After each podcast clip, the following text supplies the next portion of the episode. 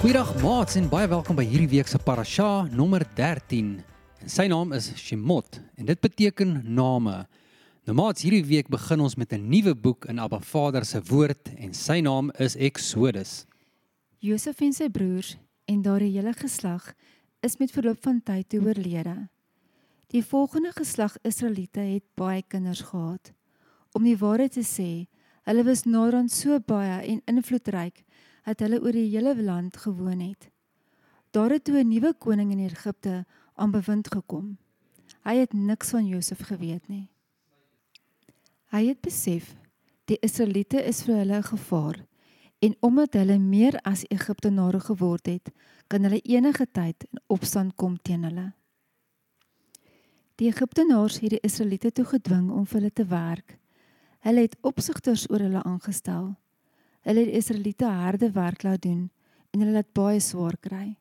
Die Israeliete moes stede vir Farao bou om sy voorrade daarin te stoor. Hoe swaarder die Egiptenaars hulle laat werk het, hoe vinniger het hulle vermeerder. Die Egiptenaars het die lewe bitter swaar gemaak vir die Israeliete. Die Israeliete moes stene maak, klippe kap en buite in die veld werk. Die verpleegsters wat die Israelitiese vroue gehelp het om geboorte te gee, se name was Sifra en Pua. Die koning van Egipte het vir hulle gesê: Wanneer julle die Hebreëse vroue help om geboorte te gee, moet julle elke seentjie wat gebore word net daar doodmaak. As dit 'n dogtertjie is, mag sy maar bly lewe. Omdat hierdie vroue die Here gedien het, het hulle nie gedoen wat die koning van Egipte gesê het nie. Hulle het die seentjies laat bly lewe. Die koning het die vroue laat roep en vir hulle gevra: Hoekom maak julle so? Hoekom laat julle die seentjies bly lewe? Meneer, die Hebreëse vroue is baie sterk. Teen die tyd dat die kraamverpleegsters by hulle uitkom, het hulle alreeds geboorte gegee. Hulle is nie so stadig om geboorte te gee soos die vroue van Egipte nie. God het dit laat goed gaan met die kraamverpleegsters. Die Israeliete het steeds al hoe meer en sterker geword. Die Farao het toe aan al die mense opdrag gegee.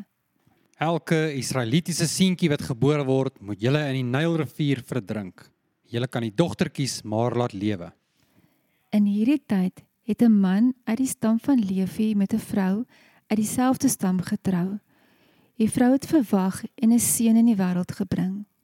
Toe sy sien hoe mooi hy is, het sy hom vir 3 maande lank weggesteek.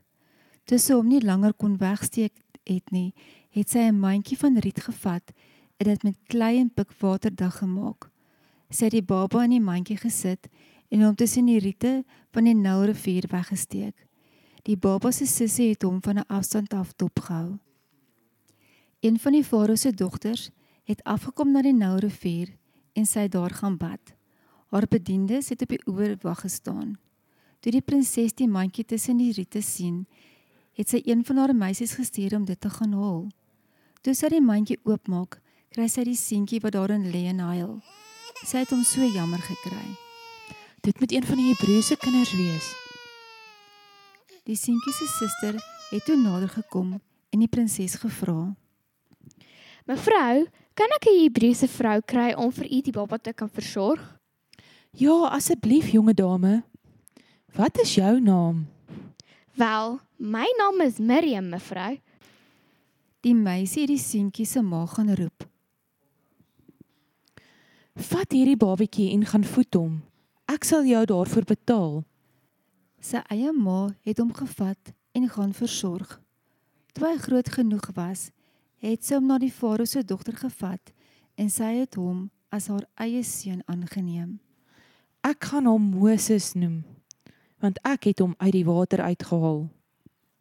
Op 'n goeie dag, toe Moses al 'n groot man was, het hy by sy mense gaan kuier. Hy het gesien hoe hard hulle moes werk. Terwyl hy daar was, sien hy hoe 'n Egiptenaar 'n Hebreëse slaaf aanrand. Moses het goed rondgekyk en toe hy seker was dat daar niemand naby is nie, het hy die Egiptenaar doodgeslaan. Hy het hom in die sand begrawe.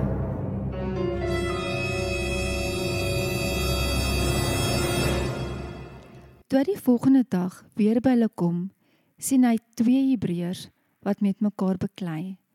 Hy sê toe vir die een wat verkeerd was: Waarom rand jy hom aan? Wie is jy nogal? Wie het jou die baas en regter oor ons aangestel? Wil jy my ook doodmaak soos jy die Egiptenaar gister doodgemaak het? Moses het geskrik. Hy het nie geweet iemand het gesien wat hy gedoen het nie. Die farao het ook van die ding te hore gekom. Hy het opdrag gegee dat Moses gesoek en tereggestel moes word. Moses het egter vir farao gevlug.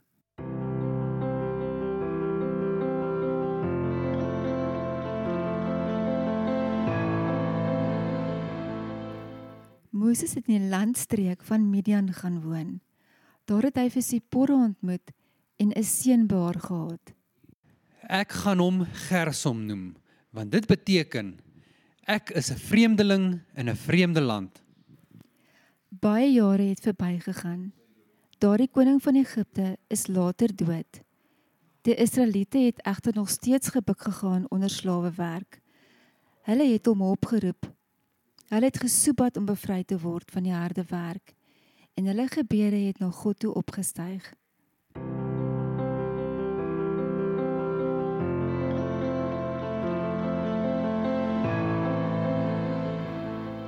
Moses het sy skoonpa Jethro se skape opgepas. Jethro was een van die priesters van Midian. Moses het al dieper in die woestyn inbeweeg en by Horeb uitgekom. Dit is die berg van God. Skielik het die engel van God aan hom verskyn in 'n vlam wat in 'n bos brand. Moses was verwonderd want die bos het aanhou brand, maar dit het nie uitgebrand nie. Moses Moses, Dit is ek ja. Trek uit jou sandale. Die plek waarop jy staan is heilige grond. Ek is die God van jou voorvaders, die God van Abraham, die God van Isak en die God van Jakob. Toe Moses dit hoor, het hy sy hande voor sy gesig gehou. Hy was bang om na God te kyk. Jy kan seker wees dat ek gesien het hoe swaar my volk in Egipte kry. Ek het gehoor hoe hulle teen hulle slawedrywers om hulp roep. Ek is baie bewus van hoe swaar hulle kry.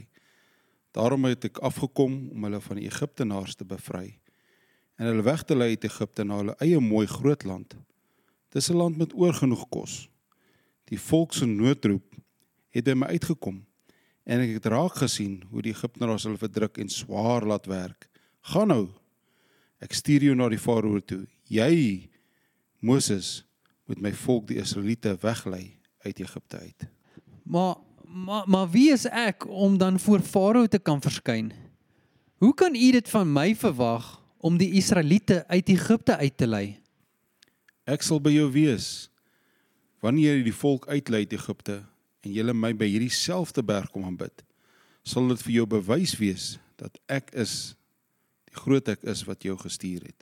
As ek by die volk van Israel kom en vir hulle sê, die God van julle voorouers het my na julle toe gestuur, sal hulle my nie glo nie. Hulle sal vra, "En wie is hy eintlik? Wat moet ek dan vir hulle sê?" Ek is soos wat ek is. Sê maar net vir hulle ek is het my na julle toe gestuur. Sê vir die Israeliete, die Here, die God van julle voorouers, die God van Abraham, die God van Isak en die God van Jakob het my na julle toe gestuur. Dit sal altyd my naam wees. En dit is wat ek elke geslag my sal noem. Gemaak nou die leiers van Israel bymekaar. Sê vir hulle Ek het die Here, die God van julle voorouers, die God van Abraham, die God van Isak en die God van Jakob by die bos wat brand ontmoet. En as hulle my nie glo nie, hulle sal nie doen wat ek vir hulle sê nie. Hulle sal sommer sê jy het nie regtig die Here ontmoet nie. Moses, wat het jy daar in jou hand? Dit is 'n herderstok, Here. Gooi dit op die grond neer. Moses gooi dit op die grond en dit het in 'n slang verander. Moses het geskrik en hy wil daarvan weghardloop. Moses gryp dit aan sy stert. En toe Moses dit gryp, het dit weer 'n herderstok geword. Hulle sal hierdie teken glo. Dit sal hulle oortuig dat jy die Here, die God van hulle voorouers, die God van Abraham, die God van Isak, die God van Jakob ontmoet het. Sit jou hand onder jou klere in. Moses het dit gedoen. Toe hy weer sy hand uithaal, was dit spierwit melaats. Sit nou weer jou hand onder jou klere in. Toe hy sy hand uithaal, was dit so gesond soos die res van sy lyf. As die eerste teken hulle nie oortuig het om jou woord te glo nie, dan sal hierdie tweede een hulle oorreed. As hulle na hierdie twee tekens nog steeds nie oortuig is om jou woord aanvaar nie, moet jy water in 'n Nile rivier skep, dit op die grond gooi en dit sal in bloed verander. Ag Here, ek is nie goed met my mond nie. Ek was nog nooit iemand wat goed kon praat nie. Selfs waar U nou hier met my praat, hak my tong vas. Wie gee vir die mens 'n mond? Wie maak 'n mens stom of doof? Wie laat hulle sien of maak hulle blind? Is dit nie maar net ek die Here nie? Loop, gaan maak soos ek vir jou sê. Ek sal jou goed laat praat en vir jou voorsê wat jy moet sê. Ag Here, stuur asseblief tog iemand anderster. Toe die Here hom vir Moses vererg. Goed. Wat van jou broer Aaron? Uit die Lewiete. Hy kan tog goed praat. Aaron sal namens jou met die volk praat. Hy sal jou mond wees. Maak seker dat jy jou herderstok by jou het sodat jy daarmee die tekens kan doen wat ek jou geleer het. Moses, moenie bang wees om na Egipte te teruggaan nie. Almal wat jou wou doodmaak, is al reeds dood. Moses het toe sy vrou en sy seuns bymekaar gekry. Hulle op 'n donkie laat klim en die reis terug na Egipte toe begin. Hy het die herderstok in sy hand gehou.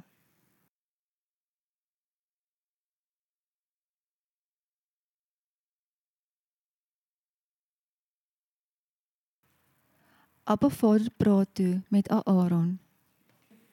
Aaron, gaan en ontmoet jou broer Moses in die woestyn. Aaron het gegaan en Moses by die berg van God teëgekom. Hy het hom omhels. Moses het vir Aaron alles vertel van die opdrag wat die Here hom gegee het en die tekens wat hy moes doen. Moses en Aaron is toe terug na Egipte waar hulle al die leiers van die Israeliete bymekaar geroep het. Aaron het vir hulle van alles vertel wat die Here vir Moses gesê het. Terwyl hulle toe kyk, het Moses die tekens gedoen. Die leiers was dadelik oortuig dat die Here Moses en Aaron gestuur het. Hulle het almal hulle koppe gebuig en op hulle knieë gegaan toe hulle hoor dat die Here bekommerd is oor Israel en hy hulle ellende raak gesien het.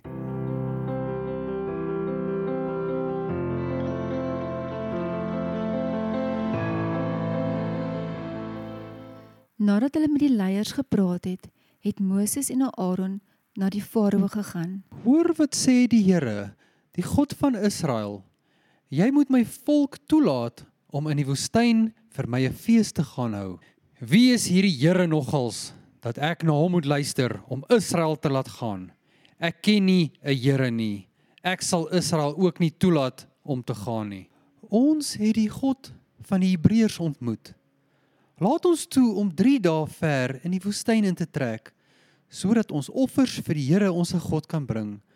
As ons dit nie doen nie, sal hy beslis siekte of oorlog teen ons laat uitbreek.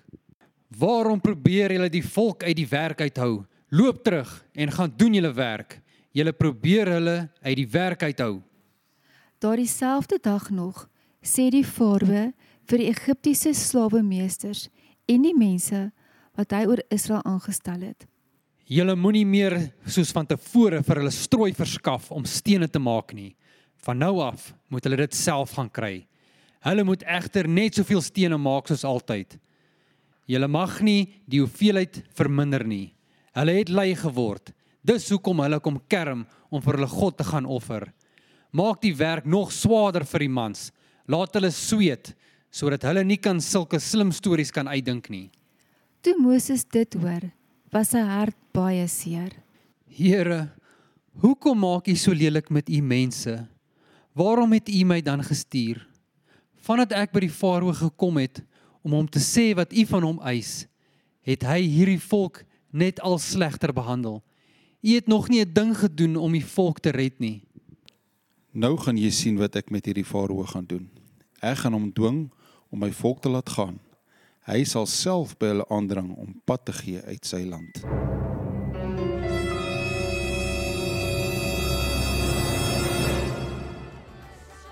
Maats, ek wonder wat gaan volgende week gebeur sien julle dan, dan kyk ons wat gebeur. Totsiens. Toodles noodles.